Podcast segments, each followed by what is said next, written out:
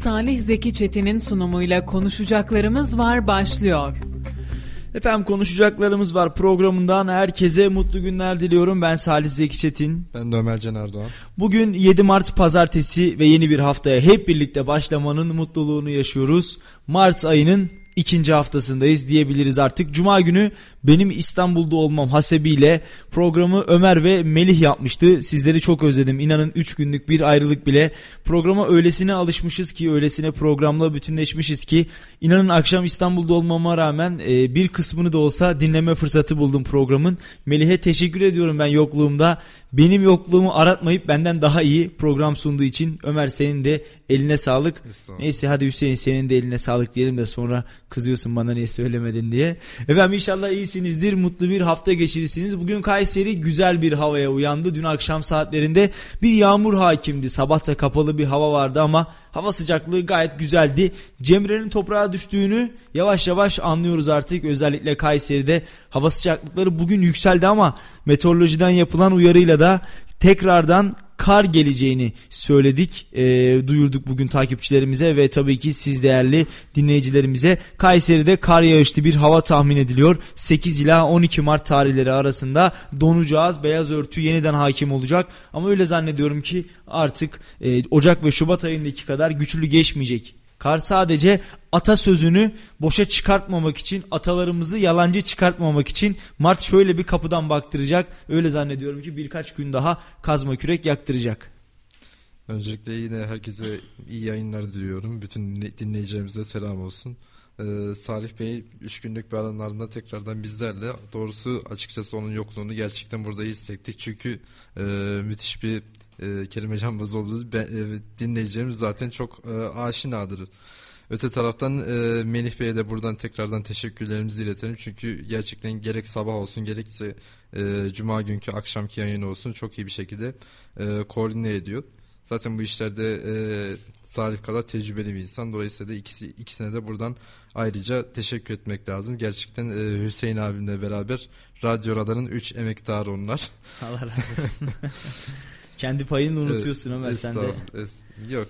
Ve, Şimdi bugün bir, e, çok şey değil ya benim e, şeyim yani. Şimdi benim şimdi... konumum çok da yorumlarında bize renk katıyorsun. İyi ki varsın Ömer. Teşekkür ediyoruz.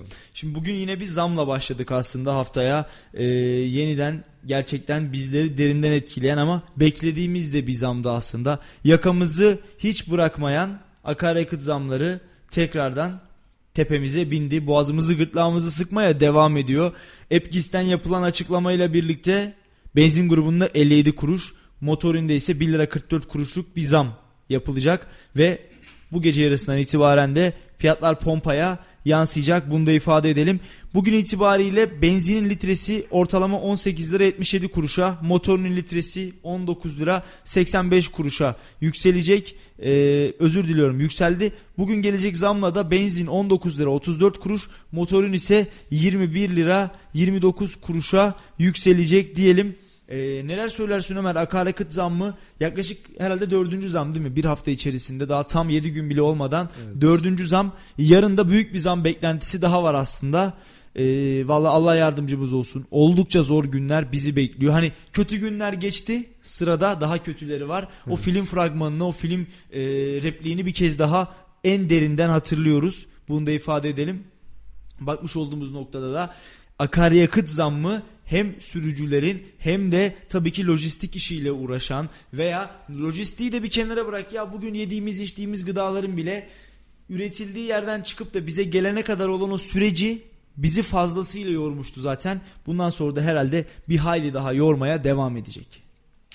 Yani akaryakıt fiyatlarında zaten bugün e, Brent petrole bir dönecek e, olursak Brent petrol bugün 129 dolar seviyelerini gördü.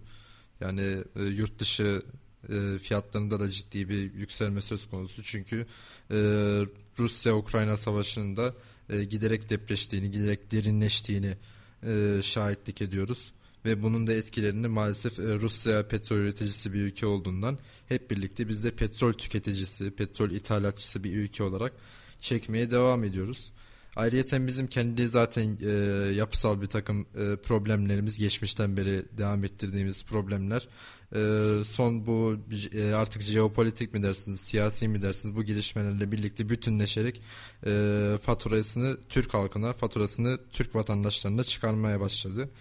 Bu zamların e, yani elbette beklentilerini tartışmak falan e, pek de bana düşmez. Fakat e, uzun bir süre yakamızı bırakmayacağı aşikar. Zaten bunları e, defaten e, söylemeye bile gerek duymuyorum. Çünkü bu zamların yap, yakamızı bırakması için bu tip e, olayla, savaş gibi olayların biraz daha yatışması ve öte taraftan da bizim kendi yapısal bir takım problemlerimizi çözmemiz gerekiyor. Dolayısıyla da e, evet az önce de senin ifade ettiğin gibi ye, yememizden içmemizden her şeyimize e, netice itibariyle akaryakıt vasıtasıyla bizlere ulaştığı için akaryakıt kullanılan e, araçlarla bizlere ulaştığı için elbette bizim e, bizzat boğazımızı bile çok derinden etkileyecek. Yani dolayısıyla da vatana millete artık hayırlı mı olsun denir buna yoksa başka bir şey mi olur? E, takdiri ben dinleyicilerimize bırakmak istiyorum. Tabi zaman süreç gösterecek akaryakıt fiyatları ne kadar daha yükselecek. Her defasında ya bu kadar mı ya da işte 10 lira olsun sabitlenir 20 lira olsun sabitlenir düşüncelerinden sonra maalesef sabitlenmeyen sabitlenmeyi de bırak her geçen gün üzerine koyarak giden bir akaryakıt fiyatıyla karşı karşıya kalıyoruz. Tabi üzerine uzun uzun ne kadar konuşsak herhalde bir sonuca varamayız. Şu an bizi dinleyenler de e, araç başında olanlar da herhalde şöyle bir ibrelerini kontrol ediyorlardır. Ne kadar benzinim kaldı, ne kadar mazotum kaldı, ne kadar otogazım kaldı. Aman Allah diyoruz cebimiz yanmaya maalesef devam ediyor. Öyle bir kuyu ki düştük içine çıkamıyoruz. Sanki boş bir petrol kuyusunun içerisindeyiz her geçen gün değerlenen ama maalesef ülkemize gelirken her defasında da değerlenen, pahalanan bir petrol kuyusunun içindeyiz. Şöyle deyim yerindeyse iğneyle iplikle o kuyuyu kazmaya çalışıyoruz. 3-5 kuruş kazanacağız ama bunun da büyük bir kısmını akaryakıta veriyoruz. Ulaşıma veriyoruz, lojistiğe veriyoruz. Maalesef akaryakıta gelen zam sadece araçlarımızın benzin deposunda değerlenmekle kalmıyor. Yediğimiz salatalıktan bize ulaşan ekmeğe kadar yap, yaptığımız konserve turşudan maalesef e, balıkçılar çarşısından aldığımız balığa kadar her ürün kaleminde ol oldukça büyük bir pahalılığa sebep oluyor. Pahalılığa neden oluyor. Bunu da ifade edelim. Bir dinleyicimiz yazmış Feridun Bey der ki bu sabah Antalya'dan Kayseri'ye yola çıkan kamyon Çarşamba sabahı Antalya'ya döndüğünde yola hiç çıkmasaydı 950 lira yakıttan dolayı karı olacaktı diyor. İşte güzel bir örnek aslında Feridun Bey de bizi sıkı dinleyen takipçilerimizden ve gerçekten yorumlarıyla da aslında programımıza renk katan isimlerden bir tanesi. Selam olsun kendisine. Teşekkürlerimizi iletiyoruz ve baktığımız noktada da oldukça haklı bir yere temas etti. Yine e, bir örnek vardı onu da yine kendisi yazmıştı yayınımızda. Ben de sık sık bunu dile getirmekte herhangi bir beis görmüyorum. Hatta güzel de oluyor. 100 kilometre öteden bir tarlanız var ve Kayseri'ye ürün satmaya getireceksiniz. Ve o tohuma hiç para harcamıyorsunuz. Sulamaya hiç para harcamıyorsunuz. E, emeğe hiç para harcamıyorsunuzu varsayıyorum. Kendiniz topluyorsunuz. Kendi emeğiniz Allah'ın toprağı, suyu ve Allah'ın tohumu dersek Kayseri'ye bu ürünü getirmek isteseniz kilo başı tam 4 lira nakliye ücreti oluyordu. Şimdi bu rakam eminim daha da fazladır. E tabii ki e, bu nakliye ücretleri de bu benzin akaryakıt fiyatları da üreticiye, tüketiciye kısacası toplumun her kesimine yansımaya devam ediyor. Ne alan memnun ne veren memnun ne de satan memnun. Çünkü alan ertesi gün aynı fiyata alamıyor. Satan ise baktığımız zaman sattığı malı ertesi gün yerine koyamayacağı için çok da böyle satmak istemiyor aslında. Piyasada müthiş bir belirsizlik ki özellikle akaryakıt piyasasında e, öyle zannediyorum hem biniciler hem de o araçlara pompayı takıp da e, akaryakıtı satan benzin istasyonları şu anda ne yapacağını bilemiyorlardır.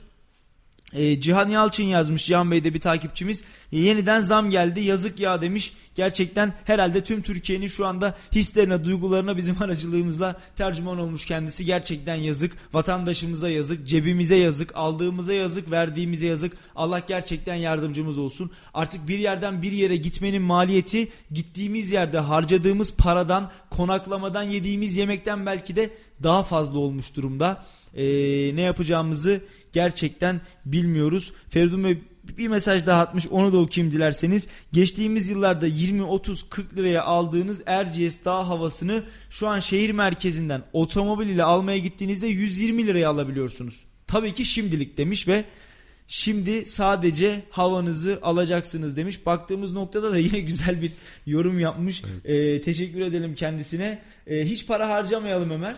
Şöyle ekip arkadaşlarımızla veya her birimiz ailemizle diyelim ki Erciyes'e gidelim ve bir Erciyes havası alalım ya. Şehrin bu kasvetinden çok bunaldık, çok sıkıldık. Hüseyin burada yayın yapmaktan çok bunalmıştır. Hafta sonu onu şöyle bir Erciyes'e götürelim ve orada hiç para harcamayalım desek 120 lira harcamış olmamız gerekiyor. Yani hiç para harcamamamız için 120 lira harcamış olmamız gerekiyor. Yani hiç para harcamamaya geçelim. Yani insanlar artık fiili bir kapanmaya bile yönelir. Yani bunda, bundan iki sene önce e, resmi bir kapanma vardı. Fakat bu akaryakıt fiyatlarıyla birlikte insanlar yani e, bu saatte sonra sokağa bile çıkmak istemez böyle.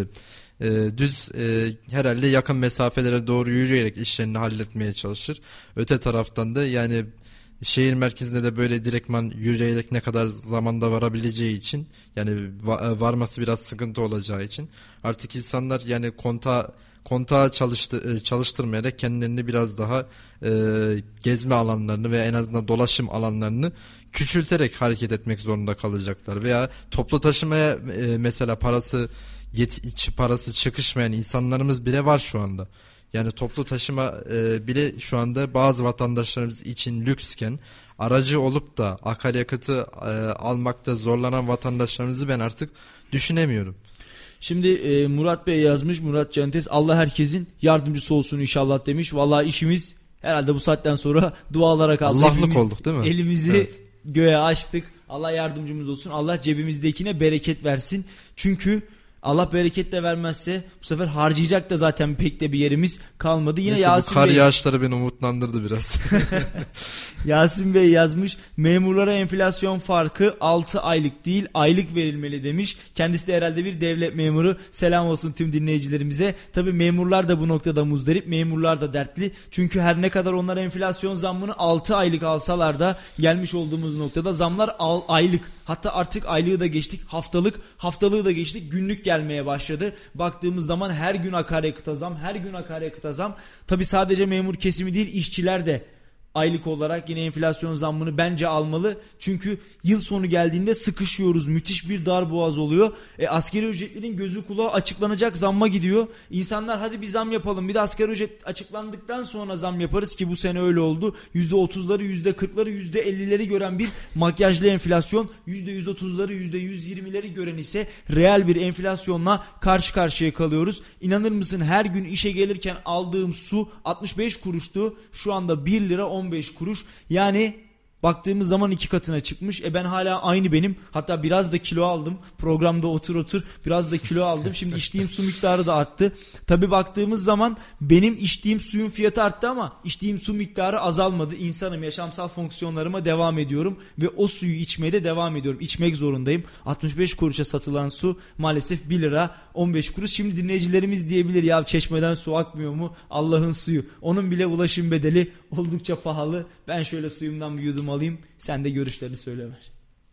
Yani bu mem, e, herhalde az önce yazan bir dinleyicimizin e, şeylerine dönecek olursak yani maalesef e, yıl başında yapılan veya sürekli yapılması gerek e, gerekmeyen bu maaş zamları şu anda e, eriyen alım gücü nedeniyle biraz daha aylık seviyeye indirgenmek zorunda kalınıyor. Fakat e, hala bu konuda e, somut ve yeterli adımlara başvurulduğunu görmüyoruz. Öte taraftan yani mevzu burada zam yapılması da değil. Yani zam yapı ya, yani mesela bir paran var ve bu paran maalesef ki yani çöp değerinde de olabilir veya çok değeri düşük de olabilir. Sen istediğin kadar zam yapabilirsin. Mesela Venezuela'ya gidelim oradaki e, devlet memurlarına falan ne kadar zam yapılıyordur acaba? Bildiğin gibi orada tomar tomar paralarla alışveriş yapılıyor ki Evet. insanlar ihtiyaçlarını karşılasın. Dolayısıyla da Türkiye'de de elbette Venezuela'dan mukayese edecek değiliz. Allah şükür o seviyeye düşmedik. Fakat yani o tarafa doğru bir eğilim var. Çünkü para bir- birimimiz cidden değer kaybediyor.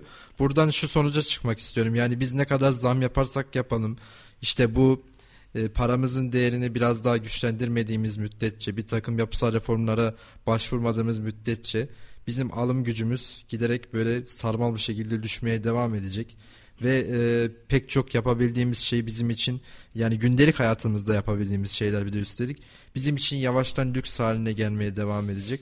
Dolayısıyla bu konular böyle e, sistematik çözümler gerektiren e, üzerinde sıkça durulması gereken böyle geceleri uy, uyuma, uyunmaması gereken e, konular aslında. Dolayısıyla da e, yani hepimiz böyle birbirimize başımızı dayasak bu konuları e, baş başa verirsek işte nasıl derler ona işte öyle sırt sırta verelim. O da olur aynen. o da olur. Sırt sırta verelim. Sırt sırta verirsek bence bu işleri altından kalkabileceğimizi düşünüyorum. Şimdi sevgili Ömer ben hafta sonu şöyle oturdum bir mukayese yaptım. Ya dedim ki eskiden milyonerlik diye bir kavram vardı. İnsanlar milyoner oluyorlardı ve hayatları değişiyordu. Türkiye'de bilmem kaç tane milyoner var diyorlardı. Geldiğimiz noktada artık milyonerliğin hiçbir anlamı yok. Evi olan iyi bir semtte, iyi bir muhitte evi olan herkes milyoner artık. Çünkü bugün iyi bir ev, hakikaten iyi bir ev, hatta İstanbul'da, Ankara'da, İzmir'de ortalama sayılabilecek kötü bir ev en az 1 milyon ediyor. Yani artık milyonerlik kavramının hayatımızda bir önemi kalmadı. Milyonerlik kavramının bir forsu da kalmadı. Kaç milyonersin? Bugün Kayseri'de 1 milyonun üstünde evler satılıyor ki oldukça fazla bunların sayısı. Öyle villa, bahçeli, havuzlu falan bunlara da gerek yok. Standart bir apartman dairesinin, yeni bir apartman dairesinin 1 milyon liranın üzerinde olduğunu görüyoruz. Keza aynı şekilde iyi bir arabanın, lüks bir arabanın değerinin 1 milyondan yukarı olduğunu da biliyoruz. Yani artık bir eviniz ya da bir arabanız varsa otomatikman milyonersiniz ya da mevcut enflasyonla önümüzdeki aylarda olabilecek bir milyoner adayısınız. Bugün hepimizin yani evi olan herkes bir milyoner adayı. Çünkü bu hızla giderse öyle zannediyorum tabi bu da beni korkutuyor ama yıl sonu itibariyle veya birkaç yıl sonu itibariyle Türkiye'de en düşük ev 1 milyon olacak. Hepimiz milyoner olacağız. Yani düşünsene Türkiye'de 100 milyon tane ev sahibi 100 milyon tane atıyorum şey varsa ya da 100 milyon biraz e, afaki bir rakam oldu 85 milyonluk ülkede. 70 milyon tane ev varsa 80 Aynen. milyon tane ev varsa örnek veriyorum bina varsa ve bu evlerin her birinin sahibi varsa e, baktığımız zaman Türkiye'de milyonlarca milyoner olacak. Ama hiçbir önemi, hiçbir kıymeti yok yani. Çünkü Gelmiş yani... olduğumuz noktada forsu kalmadı. Evet. Bak e, bir dinleyicimiz yazmış işte. Venezuela'da diyor memur maaşı 10 dolar.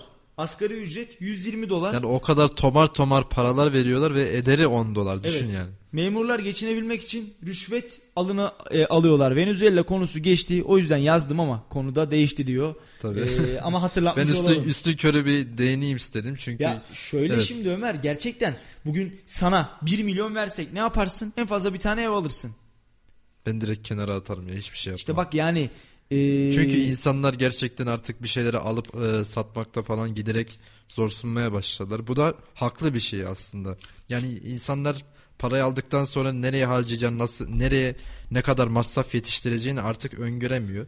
Veya parasını biraz daha kıymetlendirmek isteyen veya alım gücünü biraz daha korumak isteyenler çeşitli opsiyonlara, çeşitli araçlara yöneliyorlar. Bunlardan bir tanesi de az önce dediğimiz gibi konut. Fakat maalesef e, bu bir sarmal az önce de vurguladığım gibi bir sarmal halini aldığı için giderek böyle debeleneceğiz galiba uz, uzun vadede öyle gözüküyor. Dolayısıyla da yani e, daha fazla konuşursam herhalde biraz yatırım tavsiyesine kaçacak. o yüzden ben susayım. bir de şöyle bir durum söz konusu. İnsanlar almak istemiyor, satmak istemiyor. Şimdi satıcı satmıyor. Az önce de aynı. Ki, yarın aynı malı yerine koyabilir miyim acaba diyor. Yani bugün işte 5000 liraya aldığımız bir telefonun bir hafta sonra 15 bin lira olmayacağının hiçbir garantisi yok. Ya ben bizim orada bir tane küçük bir büfe var. Selam olsun eğer dinliyorlarsa. Ee, onlar mesela yaklaşık bir 5 sene falan önce büyük bir jip aldılar. Yani adamlar o derece fazla kazandı ki çünkü işlek bir noktadalar ve çevrelerinde başka bir dükkan yok. Hatta marketi falan geçtim dükkan yok. Ve millet de orada alışveriş yaptırıyor. Rahatlıkla veresiyesini yazdırıyor. Veresiyesini de ödüyor. Öylesine geniş bir dükkan. Ve e, 4-5 sene öncesinde de onlar şey aldılar. E, büyük bir jip aldılar böyle çok iyi.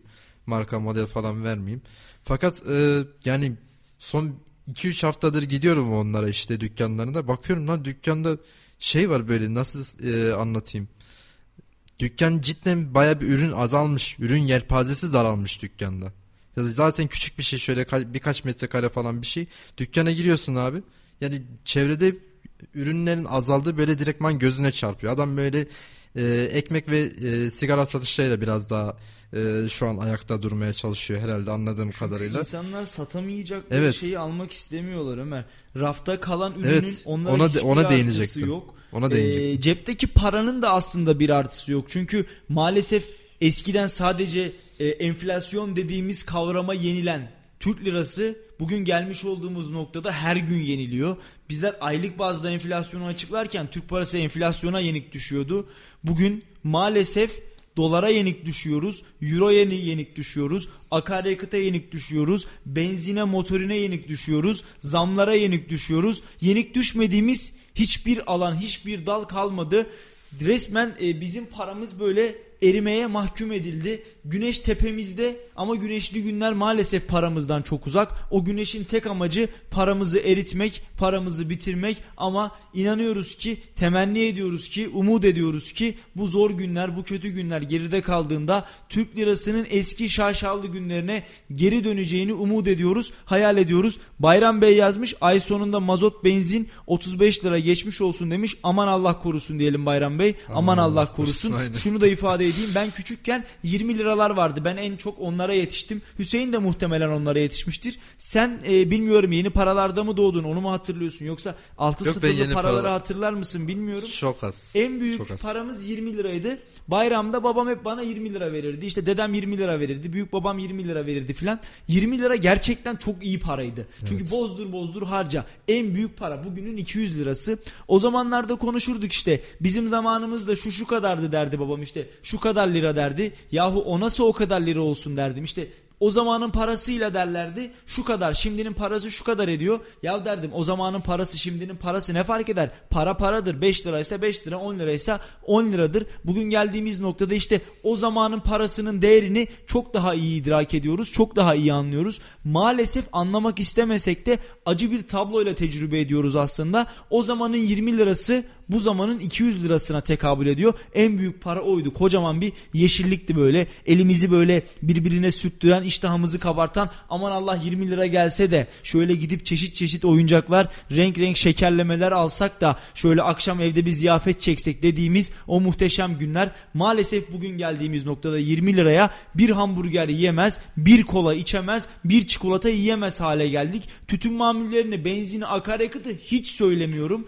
Yani e, 20 liraya hani araç 20 lira yakar mı? İnsan 20 lira yakıyor artık. Bir yerden bir yere gitmek için yürüsen inan yolda yaptığın su masrafı, yiyecek masrafı, hadi bir soluklanayım masrafı 20 liranın çok üzerinde maalesef. E, toplu taşıma da bundan geri kalır değil işte. Kayseri'deki toplu taşıma fiyatlarını görüyorsun. 4,5 liralara dayandı. Ve hafta sonu İstanbul'daydım. Metro 5,5 lira. Yani bir yerden bir yere gitmek minimum 5,5 lira. 5,5'ta geleceksin Ömer 11 lira. Hiç para harcamamak için yine cebinde 11 liraya ihtiyacın var ki bir yerden bir yere gidip gelebilesin. Hal bu, tablo bu, durum bu. Sorarlarsa Maalesef hiç para harcamadın. hiç para harcamadın oluyor. Kesinlikle çok haklısın. Soran olursa hiç para harcamadık. Hiç para harcamamamız e, hiç para harcamamamız için gezmemiz için bile cebimizde 11 liraya ihtiyacımız var. Yani İstanbul'da veya Kayseri'de bir yerden bir yere gitmek için minimum hadi Kayseri'de standartını baz alalım 10 lira olması gerekiyor cebinizde. Yani bu da aylık bir yerden bir yere giden bir insan için 300 liraya tekabül ediyor. Yani her gün evden çıkman için 300 liraya ihtiyacın var. 300 liran yoksa çıkma evden kardeşim diyorlar. 300 liran varsa da aslında çıksan pek de bir kıymeti kalmıyor. Sadece tramvaya indi bindi yapabiliyorsun. Maalesef e, bak Harun Bey yazmış. Harun Bayköse diyor ki yürüyüşte ayakta 20 lira yakmaz diyor. Harun Bey tüm dinleyenlerimize de selam olsun selamlar saygılar diliyoruz efendim sizler iyi ki varsınız iyi ki bizlesiniz iyi ki de bizi dinliyorsunuz şimdi Ömer şu petrol kuyusundan kafamızı biraz çıkartalım artık biraz yukarı bakalım Yeterince bu oldu. Yeterince boğulduk evet içim dışım böyle petrol oldu akıyor akaryakıt oldu akıyor ama ellerimi kaldırdığımda bomboş resmen bir serabın içindeyim gibi kumlar elimin altından akıp gidiyor. Yeterince Şimdi bugün battık. Şimdi bugün Kayseri Spor için maç günü. Önemli bir gün aslında şehrimizin temsilcisi için. Süper Lig'de mücadele eden Yukatel Kayseri Spor bugün ligin 28. haftasında şehrin kalbinde Kadir Has Stadyumunda Aytemiz Alanya Spor'u konuk edecek ve müsabaka saat 20'de başlayacak. Maçı da Suat Arslanboğa yönetecek. Yardımcılıklarını ise Ata Yıldırım ile Selahattin Altay yapacak. Dün yaptığı antrenmanla maç hazırlıklarını bitirdi Sarı Kırmızılı ekip ve bugün evinde oynayacağı mücadeleyi kazanmayı hedefliyor. Yukatay Kayseri Spor bu sezon evinde oynadığı 13 maçta 9 galibiyet, 3 beraberlik ve 1 mağlubiyet aldı sadece. Öte yandan Alanya Spor ise bu sezon deplasmanda 13 maça çıktı. 6 galibiyet, 3 beraberlik ve 4 mağlubiyet aldı. Süper Lig'in 9. haftasında oynanan mücadeleyi Alanya Spor evinde 6-3'lük bir skorla kazanmıştı. Geride kalan 27 haftada Kayseri Spor 38 puan topladı. 10. sırada yer alıyor. Alanya Spor ise 43 puanla 7. sırada yer alıyor. Kazanalım inşallah 41 kere maşallah diyelim artık. Alanya Spor'la da puan farkını ikiye indirmemiz gerekiyor. Ne yapacağız bilmiyoruz. Geçen hafta Trabzonspor'a kaybettik. Kaybetmeseydik 41 kere 38 maşallah. puandan sonra nazar değdi. Nazar değdi. Evet 38'den nazar değdi. 41 kere maşallah diyemedik ve Trabzonspor karşısında maalesef şanssız bir mağlubiyet almıştık. Ee, ilk yarısını 2-0'lık sonuçla e, galibiyetle kapattığımız maçı maalesef 3-2 kaybetmiştik. Şimdi telefon attığımızda bir isim var yine Kayseri Spor'un müdavimi, Kayseri Spor'un vazgeçilmez ismi. Hem bizim meslek büyüğümüz hem de tabii ki spor muhabirimiz Sayın İlyas Kaplan e, telefon attığımızda. Sayın Kaplan yayınımıza hoş geldiniz. Hoş bulduk. Nasılsınız? Teşekkür ediyorum. Ee, Kayseri Spor'la Aytemiz Alanya Spor arasındaki Oğuzkul müsabakası vardı. E, onu takip ettik. Onun akabinde de diğer maç için hazırlıklarımıza başladık. Evet e, neler söyleriz Kayseri Spor Aytemiz Alanya Spor mücadelesinin hakkında? Ee, Kayseri Spor'da geçen hafta e, biliyorsunuz sakatlıklar vardı ki hatta Beşiktaş oynanan kupa maçında da e, süre alamayan isimler vardı.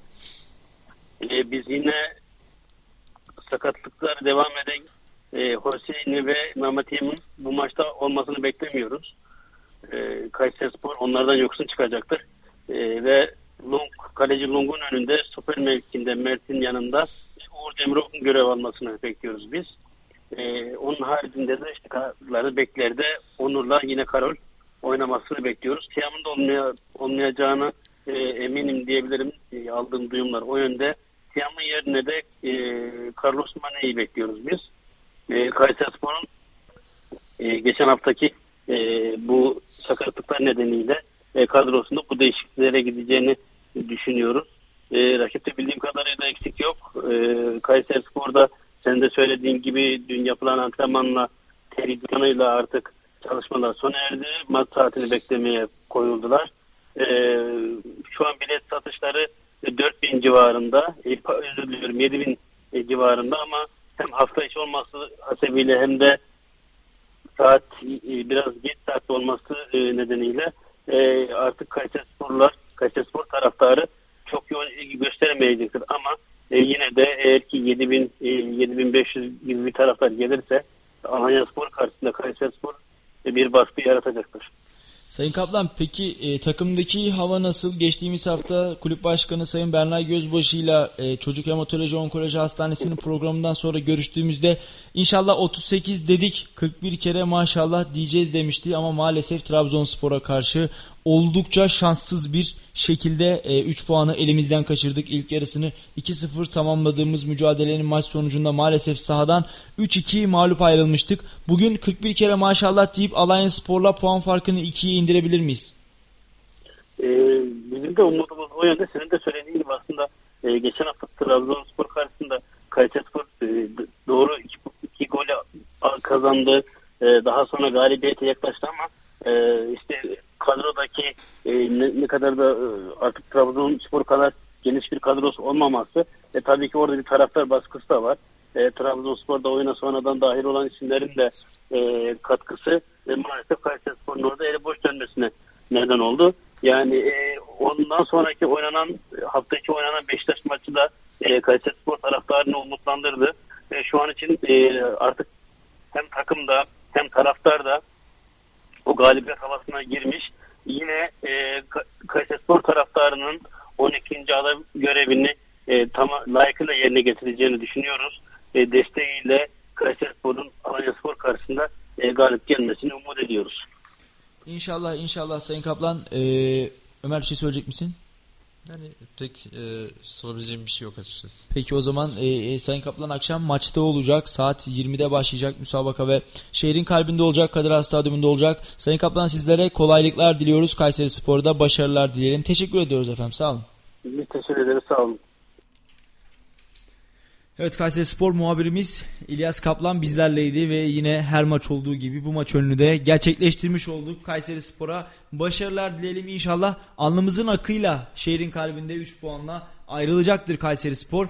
Biraz daha ekonomi konuşalım şimdi. Kayseri Spor'u konuştuk. Ee, şimdi eskiden sohbetler edilirdi. Aileler toplanırdı, insanlar toplanırdı. Farklı konular konuşulurdu. Hayat konuşulurdu, işler konuşuldu, konuşulurdu. Hayat meşgaleleri konuşulurdu. Çoluk çocuk konuşulurdu. Uzun zamandır görüşmüyorsanız eğer akrabalarınızla sarılırdınız, hasret giderirdiniz. Akrabanızın çocuğuna ya sen ne kadar da büyümüşsün derdiniz. Öbürüne sen henüz niye evlenmedin diye sorardınız ve akrabalarınıza, arkadaşlarınıza işleri güçleri sorardınız. Piyasanın durumu sorulmazdı. Akaryakıt zammı konuşulmazdı. En azından benim bildiğim dönemlerde böyle konular, böyle sorular yalnızca sohbet arasında konudan uzaklaşmak için konu kalmadığında veya o konuyu değiştirmek istediğimizde çerezlik diye tabir edebileceğimiz bir sürede 30-40 saniye belki birkaç dakika sohbet edilir, konuşulur, üstü kapatılır ve giderdi. Bugün geldiğimiz noktada maalesef arkadaşlarımızla da otursak, akrabalarımızla da otursak, uzun zamandır onları görmesek de hasret giderme fasıllarını kısalttık. Çoluk çocuğa bunları sorma kısımlarımızı kısalttık. Artık hasret gidermelerimiz çerezlik oldu. Çocuklara sorduğumuz fasıllar çerezlik oldu. Tek gündemimiz ekonomi, geçim, akaryakıt, savaş ve ülkemizin içinde bulunduğu market fiyatları, benzin fiyatları oldu. Artık yalnızca akrabalarımızın halini hatırını çerezlik olsun diye soruyoruz. Çocukların ne kadar büyüdüğünü, evlilik çağına geldiklerini bu ekonomik sohbetlerden ya yeter artık bir dakika şu konudan bir çıkalım demek istediğimizde soruyoruz ve gelmiş olduğumuz noktada maalesef dünyanın içinde bulunduğu konjüktür ve ülkemizin içinden geçtiği bu ekonomik süreç bizlerin sohbet yaşantısına da bizlerin sohbet alışkanlıklarına da fazlasıyla yansımış durumda. Yani senin de ifade ettiğin gibi yani artık e, hayatın kendi meşgalelerini kendi aramızda yakınlarımızda konuşmak yerine daha çok kendi alım gücümüzü e, tartışıyoruz ve kendi alım güçlerimizi bir yandan dostlarımızla kıyaslıyoruz. Aslında yani dur, e, şu anlam e, şu açıdan durum aslında çok iyi. E, o açıdan müsterihim. Yani insanlar artık cebinden çıkan paranın, paranın biraz daha peşine düşler ve o paranın hesabını soruyorlar artık. Yani en azından direktman bir tepkide bulunmasa bile artık ceplerinden çıkan paranın e, biraz daha sorumluluğunu üstlenmiş durumdalar. Bu açıdan e, ben müsterihim. Fakat öte taraftan yani artık e, şöyle bir tablo var önümüzde. Yani şu an herkes birer iktisatçıya dönmüş durumda. Herkes birer muhasebeciye dönmüş durumda.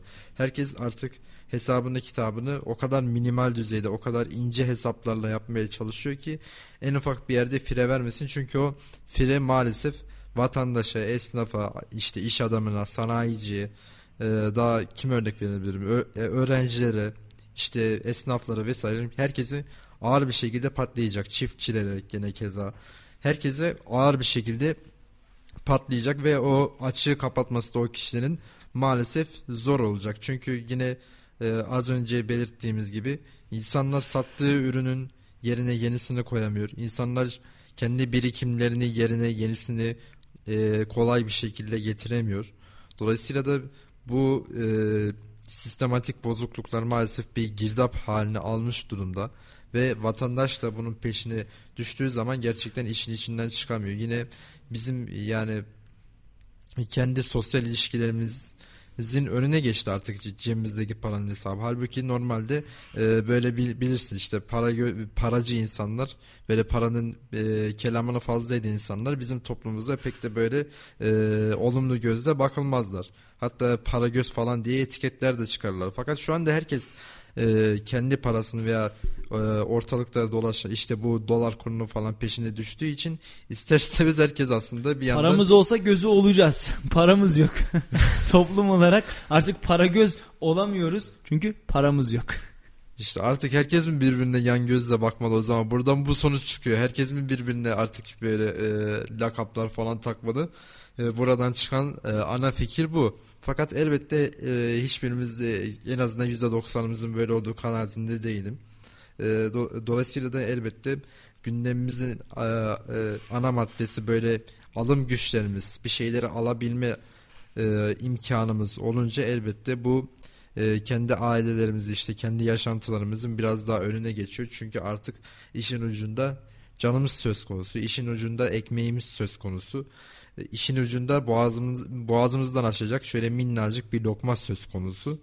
Ve e, artık bunların bile e, birer lükse kaçmaya başladığını, bir çok e, al, alım edinmekte zorlanıldığını vatandaşımız tarafından e, bunlara biz de basın mensupları olarak şahitlik ediyoruz. Dolayısıyla da e, yaptırım gücümüzde olmadığımız için şahsen bizim elimizden yeterince bir şeyler gelmiyor. Biz e, buradan ne kadar e, söylersek, dile getirirsek, gündeme taşırsak taşıyalım. E, bazı yürütmeden mükellef olan e, organlar harekete geçmediği sürece maalesef vatandaş yakındığıyla kalıyor. Basın mensupları da söylediğiyle kalıyor.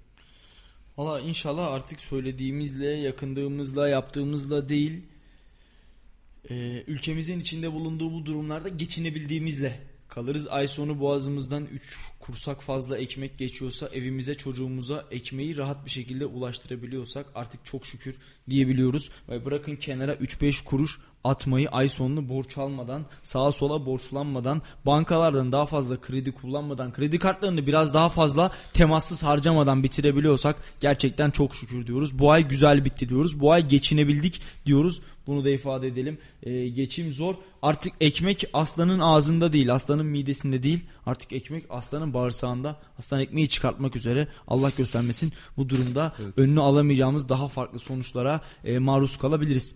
Şimdi biliyorsun Rusya ve Ukrayna bir savaşın içerisinde artık e, bu bir gerçek, dünya gerçeği. Her ne kadar Ukrayna biz işgal edildik, e, özür diliyorum. Her ne kadar Rusya biz işgal ettik demese de e, her özel, ne kadar özel askeri operasyon var. E, öyle evet nitelendiriyorlar. E, farklı bir lacivert kullanıyorlar. Farklı bir lacivert tonu kullanıyorlar. Atalarımızın deyimiyle e, farklı bir lacivertle bu işi üstünü kapatmaya çalışıyorlar ama bu bir savaş şu anda dünyada müthiş bir e, kriz var. Bu bir savaş e, tabii ki her savaş krizsiz her krizde fırsatsız olmaz. Yeni bu krizin getirdiği fırsatları önümüzdeki dönemde önümüzdeki yıllarda göreceğiz. E, neler olacak bunun yankılarını hep birlikte e, sırtlamaya çalışacağız. Türkiye'nin buradaki rolünü hep birlikte yine göreceğiz ve tabii ki ülkemizin içinde bulunduğu bu durumdaki rolünü e, Avrupa'daki figür olarak Türkiye'nin nerede durduğunu e, göreceğiz. Ve tabii ki e, dolar ve altın fiyatları da ciddi manada etkilenmiş durumda e, Ukrayna ve Rusya'nın savaşından e, savaşın devam etmesiyle birlikte Rusya'ya Avrupa Amerika'nın Rusya'ya yaptığı yaptırımlar sebebiyle e, altın fiyatında yani onsta hareketlenme yukarı yönlü hareket ediyor. Altın ve döviz kurları hakkında konuşma yaptı Saraf İhsan Gülderdi ve altının yeni rekorlara ulaşabilme ihtimalinin de yüksek olduğunu dile getirdi. Şimdi mikrofonlarımızı Saraf İhsan Gülderdi'ye uzatıyoruz devam etmesiyle beraber Amerika'nın Rusya'ya yaptığı yaptırımlar nedeniyle onstaki hareketlenme yukarı yönde oldu. Altın ve döviz kurları hakkında konuşan Sarraf Gülderdi, altının yeni rekorlara ulaşabilme ihtimalinin yüksek olduğunu dile getirdi. Yeni haftaya altın yukarı yönlü hareketlerle başladı. Özellikle Amerika'nın Rusya üzerinde yaptığı yaptırımlarla birlikte yukarı yönlü hareketler gözlendi. Özellikle ons kısmında ons 2010 onsa yaklaştı. 2000 dolara yaklaştı. Bu da altın fiyatlarının yukarı yönlü hareket etmesine neden oldu. Tabi bununla birlikte döviz fiyatları da yukarı yönlü hareketleri gözleniyor. E, altın gördüğü rakamı tekrar görür ama e, yeni rekorlar e, gelebilir. Altın, yatırım tavsiyesi yapmadan bunları söylüyorum. Altın TL bazında 1070 lirayı görmüştü. Ons bu şekilde devam ederse hem ons yönünde hem de TL altın yönünde yeni rekorlar gelebilir. Ee, dövizde de e, yukarı yönlü hareketler gözleniyor demiştim. Bu ikisi birlikte yeni rekorlara neden olacak. Ee, çeyrek altın şu an kapalı çarşıda 1500 lira. Cumhuriyet altını 6000 lira. E, Grems altın ise şu anda 15 lira. 15 bin lira. 22 ayar altının fiyatı 880 lira. E, has altının fiyatı ise şu anda 920 liradan alıcısını buluyor. Altın dünya üzerinde geçerli olan bir para birimi olduğu için dünyadaki bütün gelişmeler altın üzerinde etki etki yaratır. Ee, özellikle Amerika'nın yaptığı yaptırımlar özellikle petrolde e, petrol yukarı yönlü hareket ettirdiği gibi ons fiyatlarını da yukarı yönlü hareket ettirir. Bu da altın fiyatlarının TL bazında e, aşırı aşırı bir şekilde yukarı yönlü hızlı bir şekilde hareket ettirmesini sağlar. Özellikle son dönemlerde altın fiyatlarının neden bu kadar çok yukarı yönlü hareket ettiğini soran e, müşterilerimiz oluyor. Bunların da cevabı tabii ki dünya üzerinde olan gerginlik. Bu gerginlik devam ettiği sürece yukarı yönlü hareketler gözlenir. Evet İhsan Gülderdi'yi dinledik ve geldiğimiz noktada da gerçekten acı gerçekleri böyle pat pat pat pat diye söyledi. Altında yeni rekorlar, dolarda yeni rekorlar kırılacak dedi. Aslında bunları bilmek için de böyle çok çok ekonomist olmaya, büyük okullar okumaya, yüksek tahsilli insanlar olmaya gerek yok. Ee, tabii ki onlar da olmak gerekiyor. Onlara da kulak vermek, dinlemek gerekiyor ama gelmiş olduğumuz noktada ülkemizin hal ve durumu bu şekildeyken pazardaki Esnaf da o pazardan alışveriş yapan Ayşe teyze de dolardaki ve altındaki yukarı yönlü hareketi biliyor, bildiriyor. Ben bazı, ve tabii, ben bazı insanlar haricinde herkesin artık birer iktisatçı olduğunu... Ekonomist olduğunu evet. düşünüyorsun herkesin. Peki. Ee, İhsan Güllerdi'nin söyledikleri çok önemli. Her haftada altının nabzını kendisiyle tutuyoruz. Ee, ama onun söyledikleri artık bize sürpriz değil artık olası şeyler değil olacak şeyler maalesef olacak şeyler çünkü e, reel değerler ortada piyasa değerleri ortada gelmiş olduğumuz noktada geri adım atmayan bir Rusya var e, bir şekilde onunla çarpışan savaşmaya devam eden Ukrayna var ve bu savaştan etkilenen bir dünya var. 12. günündeyiz savaşın. Rus güçleri Ukrayna'nın başkenti Kiev'e sadece 5 kilometre uzaklıkta bunu da ifade edelim. Moskova bugün saat 10 itibariyle birçok kentte insani koridorlar için saldırıları geçici olarak durdurmuştu. Türk gazetecilerde e, Türk gazetecilerin de Kiev'den tahliye edilmesine karar verildi. E, bu bir hazırlık belki de Rusya'nın tam manasıyla Kiev'i kuşatacağı ve Kiev'de sokak savaşlarının başlayacağını artık hepimiz biliyoruz. Bu artık kaçınılmaz bir gerçek e, Rusya girdi mi girecek mi Ukrayna'ya kuşatacak mı neler yapacak diye beklerken gelmiş olduğumuz noktada artık Kiev'in sadece 5 kilometre ötesinde ve e, insanları, sivilleri oradan çıkartıyor ki belki de önümüzdeki günlerde daha sıcak saatler, daha sıcak çatışmalar Ukrayna sokaklarında, Kiev sokaklarında yaşanacak. Neler olacak bilmiyoruz. Gelişmeleri de yakinen takip ediyoruz. İnşallah zararsız ve masum insanlar, savunmasız insanlar bir an evvel oralardan tahliye olur, tahliye edilir. Hiçbir e, savunmasızın, hiçbir sivilin, hiçbir insanın burnu dahi kanamadan tahliyesi gerçekleşir e, Türkiye'deki e, Türk gazetecilerinde tahliye süreci zaten başlamış. İnşallah en kısa sürede e, meslektaşlarımızı da meslek büyüklerimizi de kendi topraklarımızda görebiliriz ve onların tabii ki oradaki o savaş deneyimleri oldukça önemli. Geldikten sonra da onlardan e, dinlemek için heyecanla ve merakla bekliyoruz. E, sen neler söylersin Ömer? Yani e, Kiev hususundan başlayayım istersen. Evet. E, Kiev gerçekten dediğin gibi 5 kilometre uzaklıkta şu an batı kanadında yerleşiyor. Şu e, İrpin şehri civarlarındalar şu anda. E, öte taraftan dikkat çekici bir şekilde doğudan bir kuşatma geliyor e, Kiev tarafına doğru ve şu anda onlar da Kiev'e e, tahminen ne kadar kilometre uzaklıkta onları onun hakkında tam bir bilgim olmasa da şu anda e, yayınlanan bütün Ukrayna savaş haritalarında doğudan dolayı e, doğudan gelen ciddi bir çıkarma Kiev'e doğru e, yaklaşmakta. Öte taraftan e, Rusya'nın neden sivillere böylesine müdahalede bulunmadığı, sivilleri hedef almadığı çok bariz bir şekilde belli.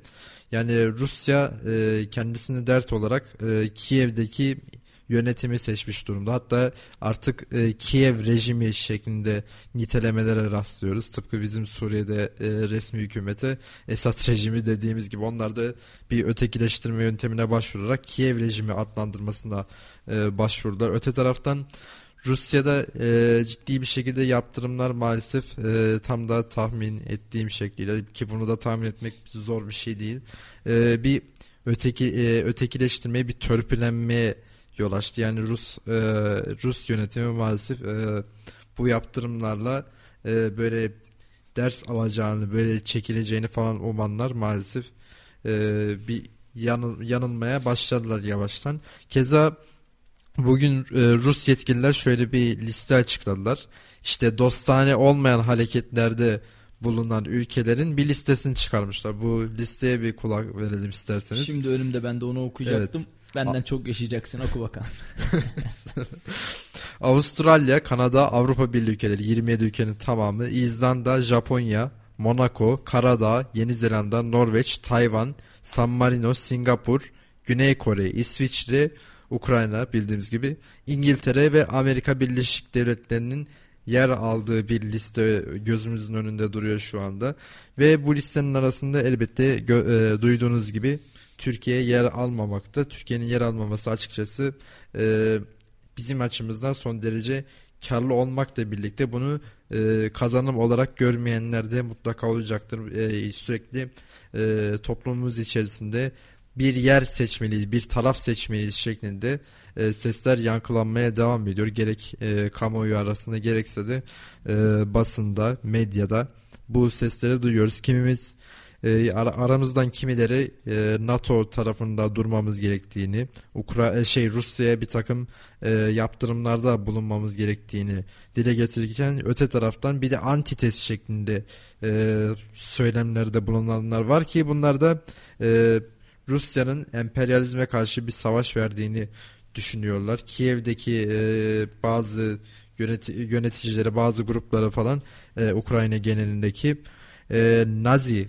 şeklinde, nasyonel sosyalist şeklinde bir nitelemeleri var ve bunlar da Rusya ile ilişkilerimizi daha da güçlendirmemiz gerektiğini ve Batı'ya karşı biraz daha cephe almamız gerektiği şeklinde sürekli bir e, şekilde terkinlerde bulunuyorlar. Dolayısıyla da e, Türkiye'nin devlet siyaseti ise şu anda ne Rusya'yı kaybetmekten yana ne de Ukrayna'yı kaybetmekten yana şeklinde bir tutum sergilediler. Keza e, yanlış değilsem e, 9 Mart'ta da artık Çavuşoğlu e, Dışişleri Bakanımız Çavuşoğlu, Mevlüt Çavuşoğlu bir açıklamada bulunmuş. E, o da e, Rus ve Ukrayna Dışişleri Bakanları, Rusya'nın e, işte Sergey Lavrov ve e, Ukrayna'nın Dışişleri Bakanı e, Dimitro Kuleba'nın e, 10 Mart'ta Antalya'da e, bir araya geleceğini e, ve kendisinin de buna bu e, toplantıya iştirak Sıcak edeceğini. Sıcak denizlere evet. inecekler sonunda herhalde değil mi? Aynen. Yani tabii hani İniyorlar, Allah korusun evet. yok şey değil e, bu bir hani geçmişe bir atıf evet. veya işte onların emeli değil ama hani yıllardır anlatılır ya işte Rusya'nın ve Ukrayna sıcak denizlere emeli inme. Emeli değil e, lafına ben pek katılmıyorum. Çünkü yani bu iş bir noktadan sonra eminim ki Türkiye'ye dayanacak. Çünkü netice itibariyle e, Balkanlardan geçen veya Kafkasya'dan ve Orta Doğu'dan falan geçen bir ekstra boğaz olmadığına göre işin ucu mutlaka e, Türkiye'ye dayanacak. Çünkü Bize bir şekilde gelecek diyorsun. Yani evet e, geçtiğimiz ayınlarda da bunun için hatırlatırsan işte Karadeniz'deki e, güçlerimizi Karadeniz'deki varlığımızı biraz daha hissettirmemiz gerekiyor Rusya'ya karşı. Çünkü Rusya'nın karasuları sürekli orada e, genişledi ve öte taraftan e, Odessa e, Ukrayna'nın şu anda e, tek büyük liman kenti olan e, Odessa'nın da Rusya tarafından ele geçirilmesi halinde Rusya'nın karasuları artık e, Ukrayna'nın bütün, bütün karasularını ele geçirmiş olacaklar ve Karadeniz'de bizim en büyük rakibimiz de onlar olmuş ol, olacak. Önceden böyle pasta dilimleri gibiydi böyle uzaktan baktığında işte Romanya, Bulgaristan ve Gürcistan'a küçük dilimler kalmıştı. Keza e, Gürcistan'da da ekstra bir e, gene bu Donetsk, Luhansk gibi böyle e, yapmacık bir devlet var. Abazya onun da kendi kıyıları var. Rusya'nın kıyıları biraz daha azdı ve Ukrayna e, Kırım'dan dolayı ciddi bir avantaja sahipti. Ta ki 2014'teki e, ilhaka kadar ve böylece Rusya e, Karadeniz'de artık söz sahibi bir ülke olmaya başladı. Keza en geniş karasuları da e, haritaya baktığınızda bizim gözüküyordu.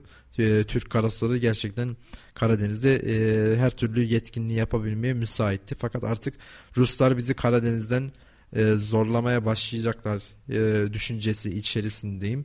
E, ve bu yüzden e, dile az önce dile getirdiğim gibi ben sıcak denizlere e, böyle artık diplomasi kanadıyla da olsa biraz indiklerini düşünüyorum. Keza başka bir gelişmeyi daha aktarayım son olarak. O da e, İsrail ve e, Yunanistan yöneticilerinin Türkiye'ye yapacağı devlet ziyaretleri. Geçtiğimiz haftalarda e, İsrail Devlet Başkanı'nın işte buraya gelecek olması, Yitzhak Herzog'un buraya e, Türkiye ziyareti e, planlanan Türkiye ziyareti Kayseri e, dahil olmak üzere Türkiye'nin dört bir yanında işte bazı dernekler falan tarafından protesto edilmişti. O da 9 Mart'ta yanlış değilsem Türkiye ziyaretini gerçekleştirecek İstanbul'a gelecek ve İstanbul'da Cumhurbaşkanı Erdoğan'la e, İstanbul e, yok karıştırdım galiba. Türkiye'ye ziyareti gerçekleşecek. Öte taraftan başka bir ziyaret daha var. Onu ben karıştırdım herhalde. O da Yunan Başbakanı Mitsotakis de e, 13 Mart'ta Türkiye'ye İstanbul'a geliyor. Başkente gelmiyor. O da İstanbul'da e, e, Patrikhane'deki ayine katılımının ardından Cumhurbaşkanı Erdoğan'la bir görüşme sağlayacak. Elbette buradan da anlayacağınız üzere ana gündem maddeleri Rusya ve Ukrayna arasındaki bu savaş ve e, Yunanistan ve İsrail gibi e, biraz daha paydaş olduğumuz, biraz daha muhatap sonunda e, muhatap olmak zorunda kaldığımız devletlerle e, resmi olarak irtibata geçmiş olacağız ve önümüzdeki süreçleri nasıl değerlendireceğiz onu e, hep birlikte göreceğiz. Zaman gösterecek, evet. süreç gösterecek. Verdiğim bilgiler için de teşekkür ediyoruz. İnşallah e, böylesine Avrupa'da, Orta Doğu'da eskiden bir laf vardı işte. Orta Doğu'da kartlar yeniden karılıyor. Avrupa'da kartlar aslında bu, bu anlamda yeniden karılıyor. Bence dünyada yeniden Dünyada evet, evet yeni bir dünya düzenine doğru yavaş yavaş gidiyoruz. Ee, Rusya ve Ukrayna savaşı da belki de bunun ilk adımı, pandemi belki de ilk adımıydı bilmiyoruz. Bunu yıllar sonra tarihçiler çocuklarımıza, torunlarımıza anlattığı gün gerçekler su yüzüne çıkacak. Şu an sadece birer gündem parçası olmaktan ibaret diyelim. Ömer bugün yayınımızı erken bitirmemiz evet. gerekiyor. Süremizin de geldik. Yaklaşık bir saattir radyolarında ya radyolarınızdayız ve e, değerli dinleyicilerimiz haftanın ilk yayın gününün artık ilk yayının sonuna gelmiş bulunuyoruz. Yarın saat 17'de yeniden radyolarınızda sizin radyonuz Radyo Radar'da oluncaya dek hoşça kalın, sağlıklı kalın, esen kalın diyorum. İyi akşamlar. Salih Zeki Çetin'in sunumuyla konuşacaklarımız var sona erdi.